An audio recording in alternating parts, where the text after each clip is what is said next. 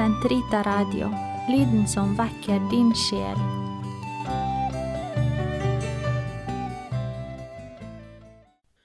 Den katolske kirkes katekisme, uke 50, torsdag 1638 til 1645. Virkningene av ekteskapets sakrament. Av et gyldig inngått ekteskap oppstår det mellom ektefellene et bånd som etter selve sin natur er livsvarig og utelukker andre partnere. I et kristent ekteskap blir ektefellene i tillegg styrket og likesom vigslet ved et særlig sakrament til de plikter og den verdighet deres stand medfører. Ekteskapsbåndet Det samtykke brudefolkene gir seg til og tar imot hverandre ved, blir beseglet av Gud selv. Deres ektepakt oppretter således også i forhold til samfunnet et forbund som den guddommelige ordning stadfester. Ektepakten settes inn i Guds pakt med menneskene. En ekte kjærlighet mellom ektefeller opptas i Guds kjærlighet. Ekteskapsbåndet knyttes altså av Gud selv, slik at et inngått og fullbyrdet ekteskap mellom døpte aldri kan oppløses. Dette båndet, som skyldes en fri og menneskeverdig handling fra brudefolkenes side, og fullbyrdelsen av ekteskapet, er fra nå av en ugjenkallelig virkelighet og gir opphav til en pakt Guds trofasthet går god for. Det står ikke i Kirkens makt å sette seg ut over en ordning guddommelig visdom har opprettet.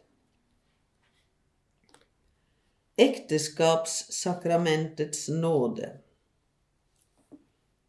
Kristne ektefeller har altså sin egen nådegave innen Guds folk, i sin egen stand og livsform. Den særlige nåde som ekteskapets sakrament formidler, er ment å fullkommengjøre kjærligheten mellom ektefellene og styrke deres uoppløselige forbund. Ved denne nåde hjelper de kristne ektefeller hverandre på veien til hellighet ved sitt ekteskap og ved fellesskap å oppdra de barn som Gud skjenker dem. Kristus er opphav til denne nåde. I gammel tid kom Gud sitt folk i møte ved en kjærlighets- og troskapspakt. På lignende måte kommer nå Han som er menneskenes frelser og kirkens brudgom, de kristne ektefeller i møte ved ekteskapets sakrament. Han blir værende hos dem, han gir dem styrke til å følge ham ved å ta opp sitt kors, til å reise seg når de har falt, tilgi hverandre og bære hverandres byrder, til i ærefrykt for Kristus å underordne seg hverandre, jf. Efeserne 5.21, og til å elske hverandre med en overnaturlig, fintfølende og fruktbringende kjærlighet. I de gleder de opplever i kjærlighet og familieliv, gir han dem allerede her nede en forsmak på lammets bryllupsfest. Hvor skal jeg hente kraft fra til tilfredsstillende å beskrive lykken i det ekteskap Kirken oppretter. Offergaven bekrefter, velsignelsen forsegler. Englene forkynner den, den himmelske Far stadfester den.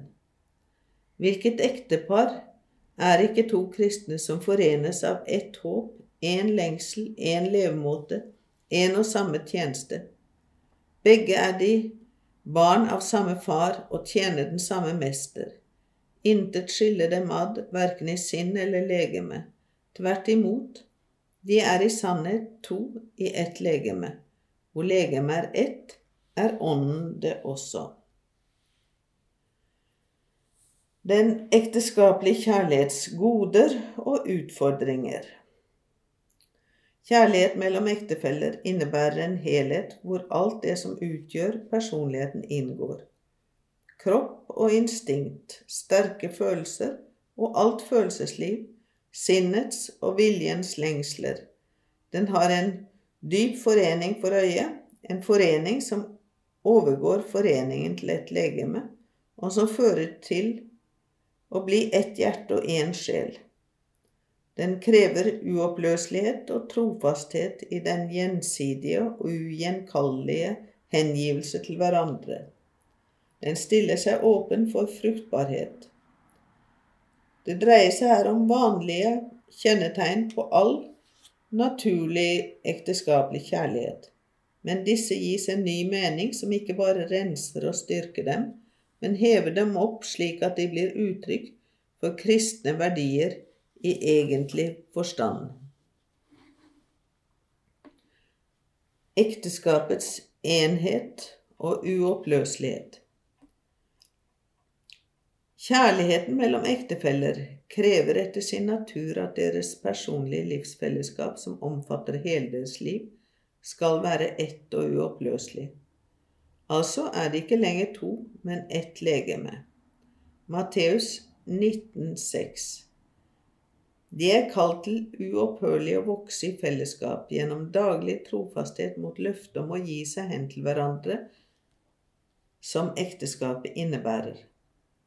Dette menneskelige fellesskap blir bekreftet, renset og fullendt ved det fellesskapet Jesus Kristus som ekteskapssakramentet gir.